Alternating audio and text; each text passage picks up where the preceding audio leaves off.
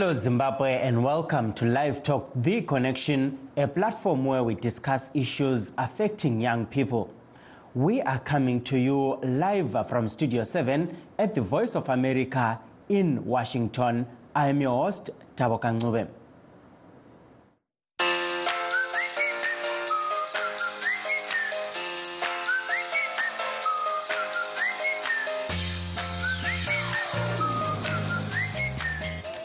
Today, we are looking at prospects uh, for the year 2024 for young Zimbabweans.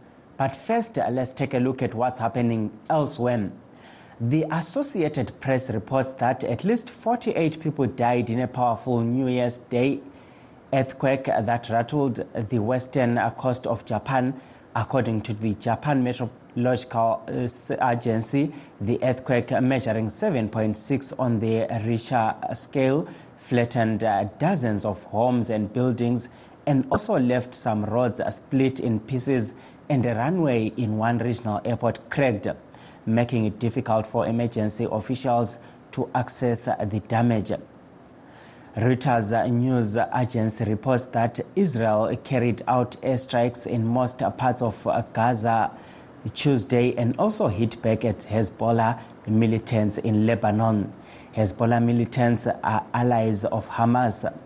Israel also said it struck military infrastructure belonging to the Syrian army in response to what it said were launches from Syrian territory towards the country.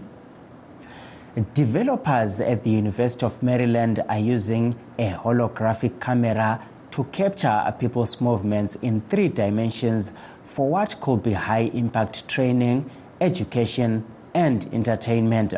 Is technology with the power to transform uh, how we learn and entertain ourselves. VOA's Julita Bo has more.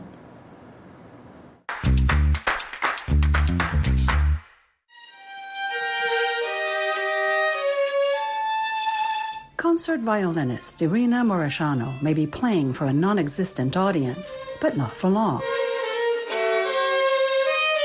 In the specially outfitted holocamera studio at the University of Maryland, hundreds of 3D cameras are capturing her image and movements to create a lifelike hologram. Her holographic twin can then be placed virtually into any setting so that someone with a virtual reality headset can feel like they're watching her live. In this prototype, Moreshano, who is also an associate professor of violin at the university, appears to be performing from a famous concert hall in Romania. My wish was for me, or for my hologram, I should say, to be put on the stage of the Romanian Athenaeum.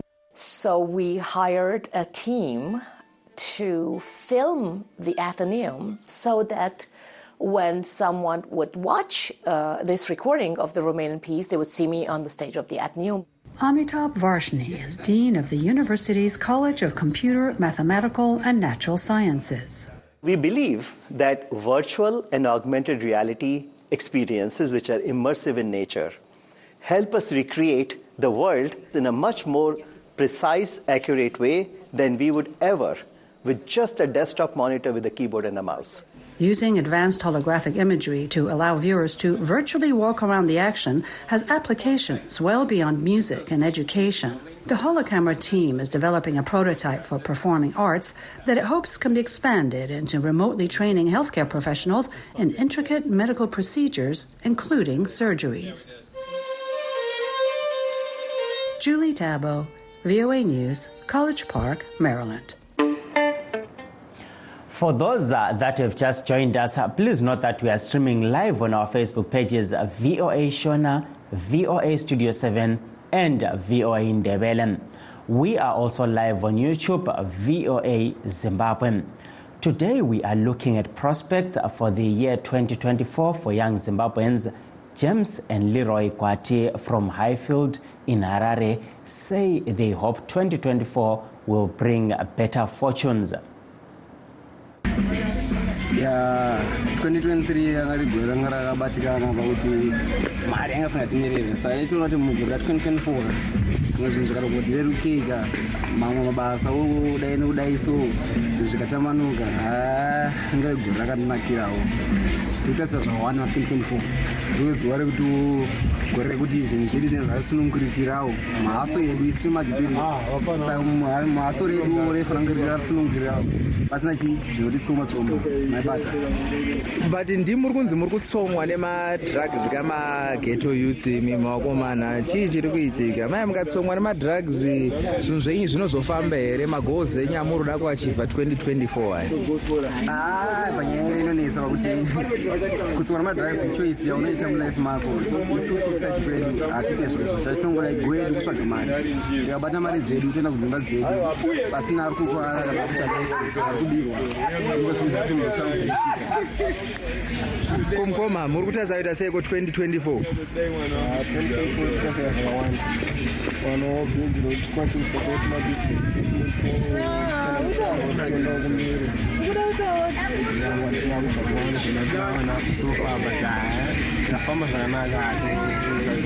mukuda kuritsvaga seiko bhegi ini mukuda kubata vanhu ngunzi here hatibati vanhu ngudzi kuhaselawo kana mabasa akavhurikawo osawo pasaiti vanhu ngudzi That was uh, James and Leroy Kwati, based in Highfield, Harare.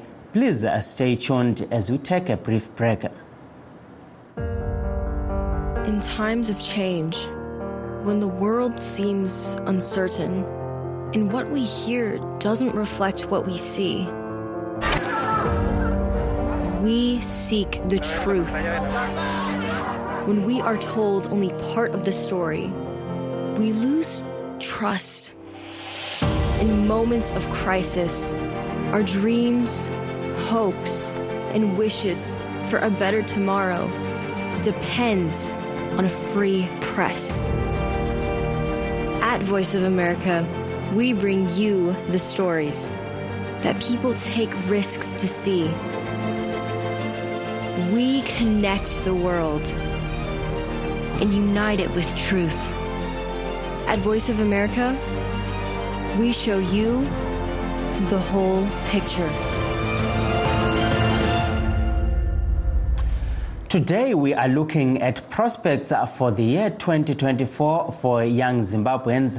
E, apo patiri kutarisa kuti vechidiki chii chavakatarisira mugore ra2024 uyezve tichitarisa kuti nemamiriro anga akaita gore rapera chii chavangada kuti mugore ra2024 vange vachizadzikisa sikhangelakela panawo kuti umnyaka ka2024 abasakhulayo kuyini abakukhangeleleyo kanye lokuthi eh bangafuna ukuthi bafeze ziphi izinto ngomnyaka ka2024 Yes, to discuss this issue, we are joined on the phone by Senator Nonhlanhla Mlochwa of uh, Triple C, and we are also joined by the Mtwagaze Republic Party Youth Chair, Mkululi Ijele. Welcome to Live Talk.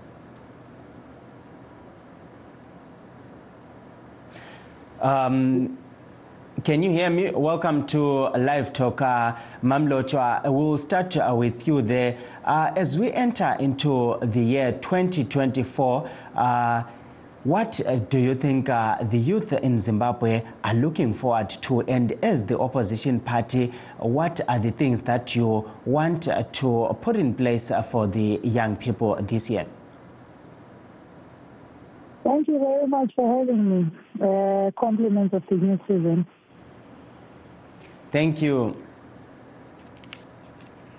Yeah. Yeah. You can uh, go ahead and um, tell us the plans for uh, the opposition Triple C in terms of uh, the year 2024 elikukhangeleleyo eh, sikhangela abatsha.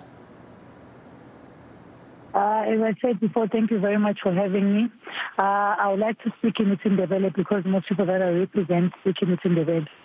Um thina esikhangelele ukuthi esikhangelele akulanto esikhangelele ngo-2024 ikakhulu eh akulanto ekhona esikhangeleleyo abantu bezimbabwe abantu abatsha bayazama lapho abazama khona kodwa impilo inzima kakhulu and eh, thina siyi-opposition esingakwenza ukuthi sime labo eh sibakhulumele especially laba ngamalunga edayile ephalamende eh sime lapho singama khona sibakhulume lapho singabakhulumela khona kodwa ikusasa labo ikusasa lethu sonke eh limnyama nxa sikhangela ilizwe lezimbabwe. Limnyama ngesizathu sokuthi mina njengami engihlala emaphandleni engivele emakhaya kunje siyasikhulume nge-devolution ukuziphatha kwethu ezigabeni kodwa singakhangela eduze lami lapha emahongola kule lithium iyatshengisa yini isigaba sethu ukuthi kule lithium eduze lapha? Hatshi. Eduze lami lapha kubondabankulu kubo-falcon kubo-legion kulegolide kuyatshengisa yini kwabantu abatsha? Kukhona abakutholayo ukuthi kule golide na? Akutshengisi futhi. Eh yikho kusitshengisayo ukuthi i-future yethu ibleach ngabe silabo khokheli obusicabangelayo ubukhokheli obusithandayo?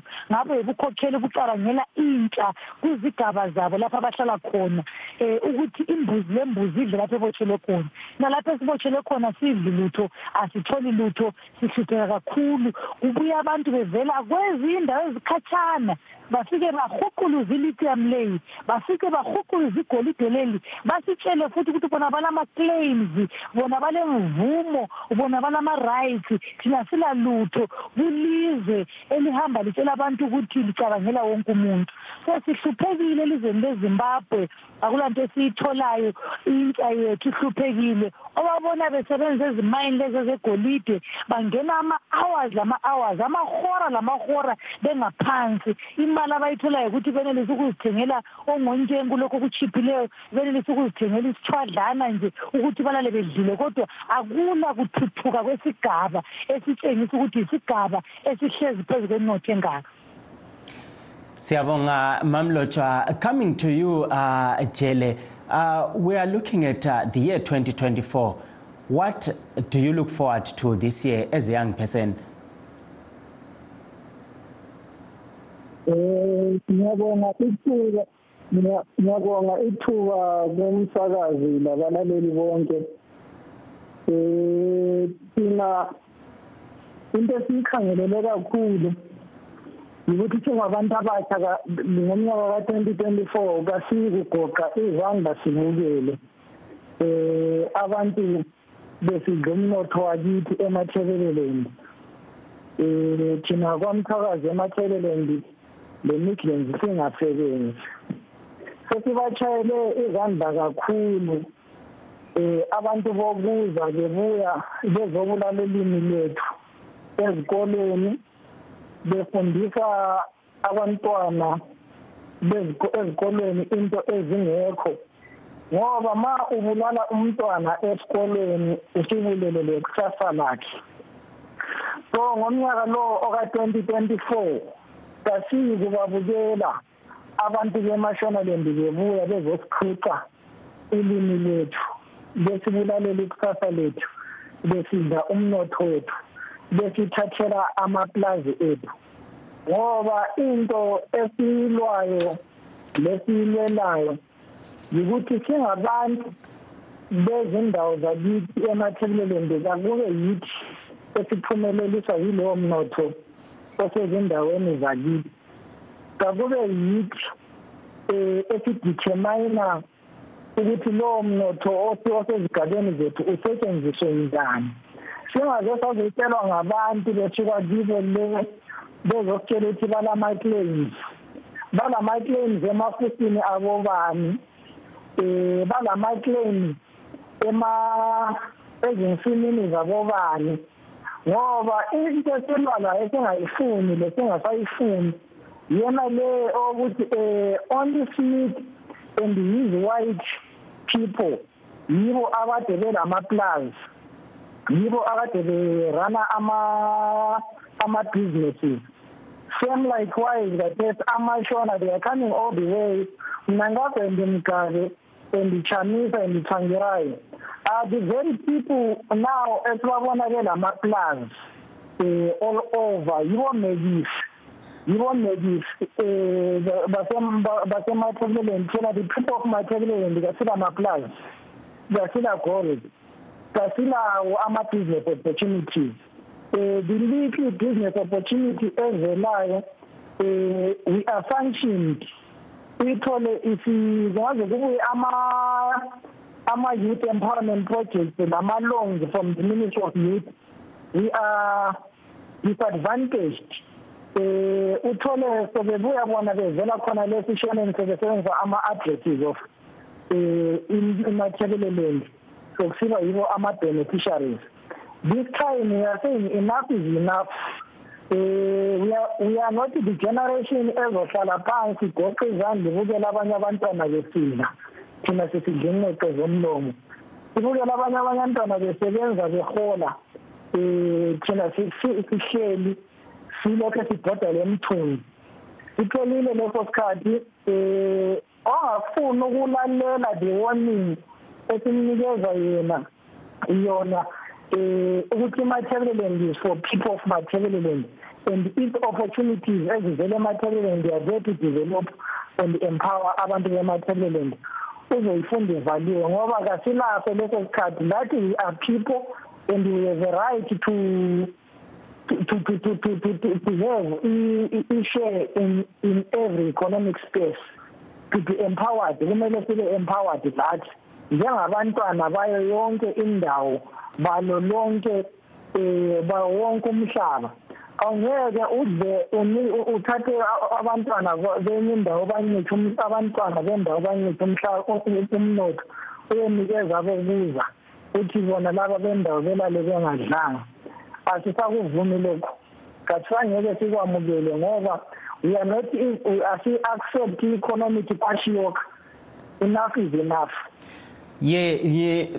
Thank you uh, there, Mr. Jele, on uh, your contribution. Um, but from what I, I understand, uh, you came with uh, more of uh, complaints and I, I, what is the plan in terms of solving some of these issues that uh, you are complaining about? I'll leave uh, this opportunity to you, uh, Mamlocha, to say what can be done to solve some of, the, uh, of these issues that you are raising. Uh, I understand, yes, uh, you are saying. Uh, some of these things are not within your power. But then um, I think there should be something that can be done to solve them. What's the plan?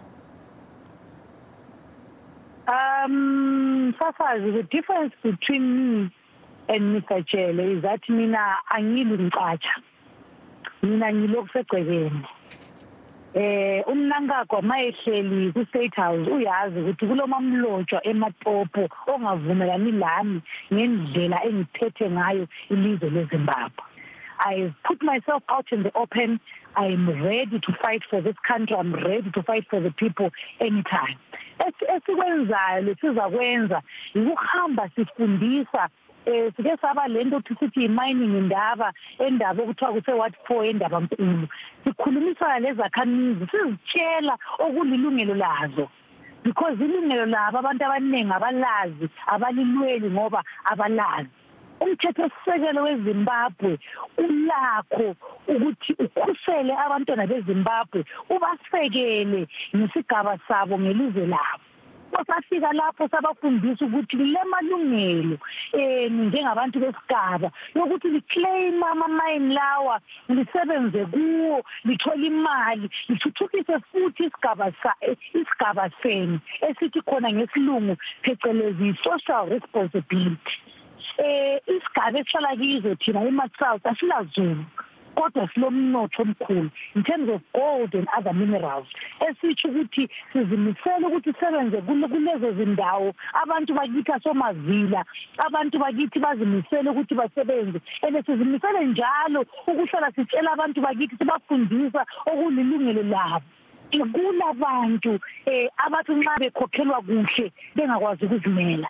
Sizimisela ukuthi sikhokhele abantu bakuthi kuhle eh sibalide kuhle sibafundise ukuthi okumthetho sisekelo okubasapotayo okubakhuselayo yikuphi eh sihlale sinjalo siqhubeka abantu bakithi bethola okuyikho kumele bakuthole elizweni lakithi ngiyabonga mamlotsha ngikubamba umlomo laphana mbijana kulomunye ongenileyo kuhlelo hallo khola Yebo.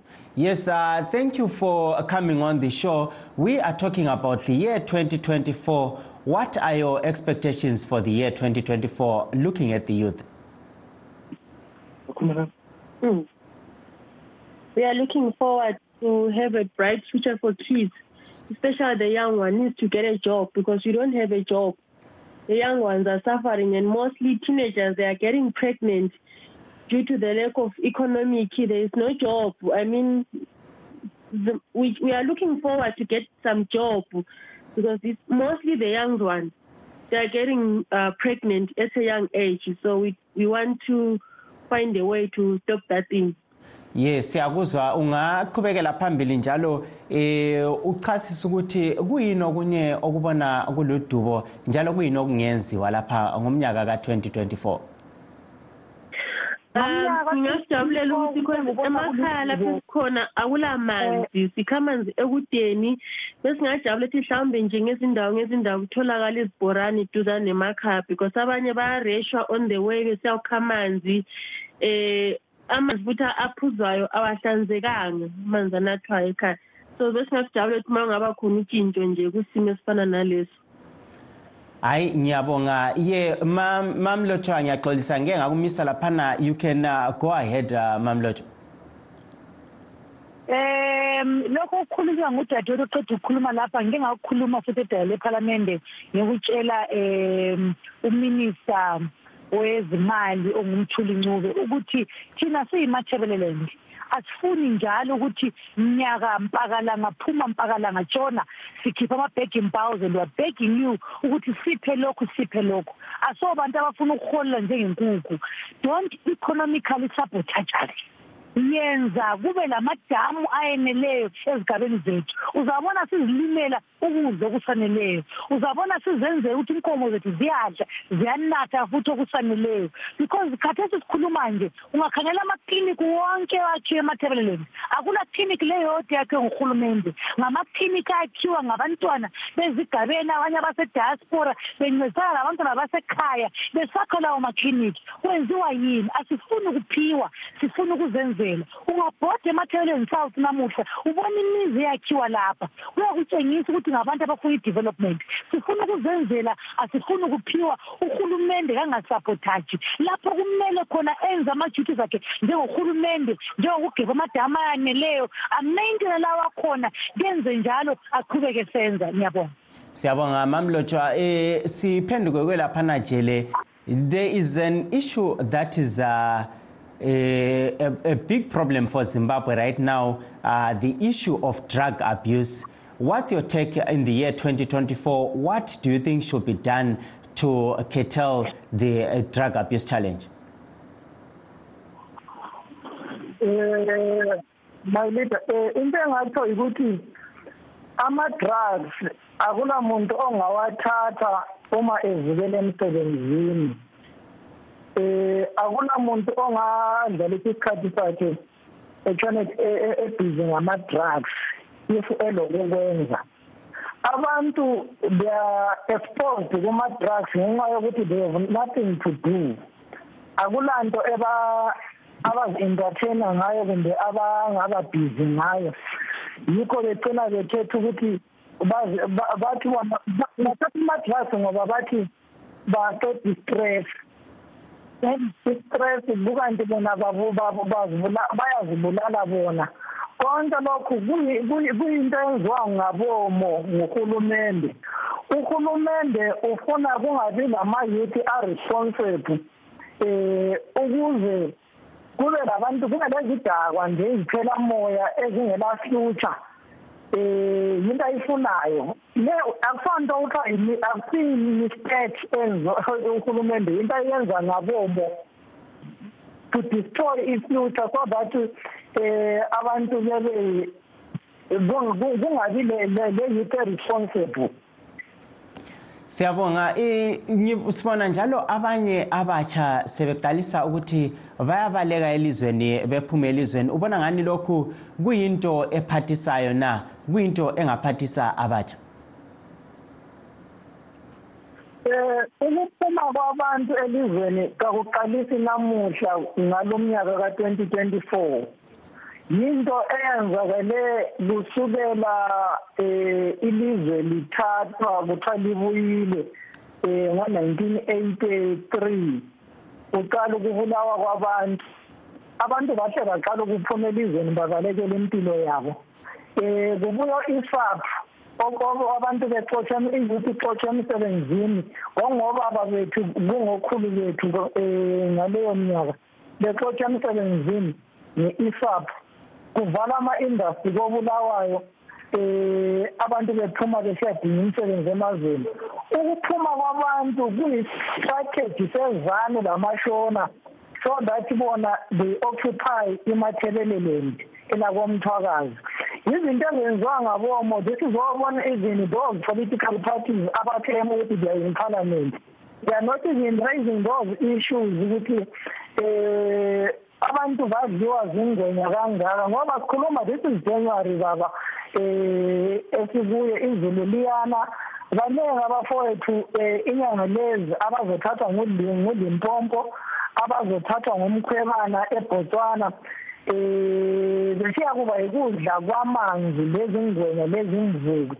So izinto ama problems onke lawa ngama problems acreate izano lamashona eh ukuze abantu abantu bematerial bebe displaced bengaphindi bangakwazi ukuthi bebe lento abayiyakhayo.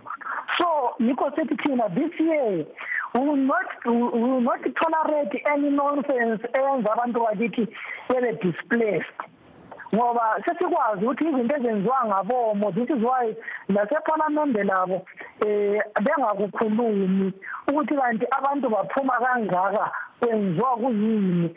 Abantu badliwa zingwenya kangaka kulimpompo eh why can't we create jobs for abantu bona laba? Why can't you uh, bring ama empowering projects kubo laba abantu so that eliziyethe this thing yokuthi abantu bese kangaka abantu bedliwe zingwenya abantu behambe kangaka emazweni. Siyabonga eh jele laphana. Eh mamlotshwa ungagqiba uhlelo namhlanje yiwuphi umbiko ongaba lawo kwabasakhulayo sikhangela umnyaka lowo oka-2024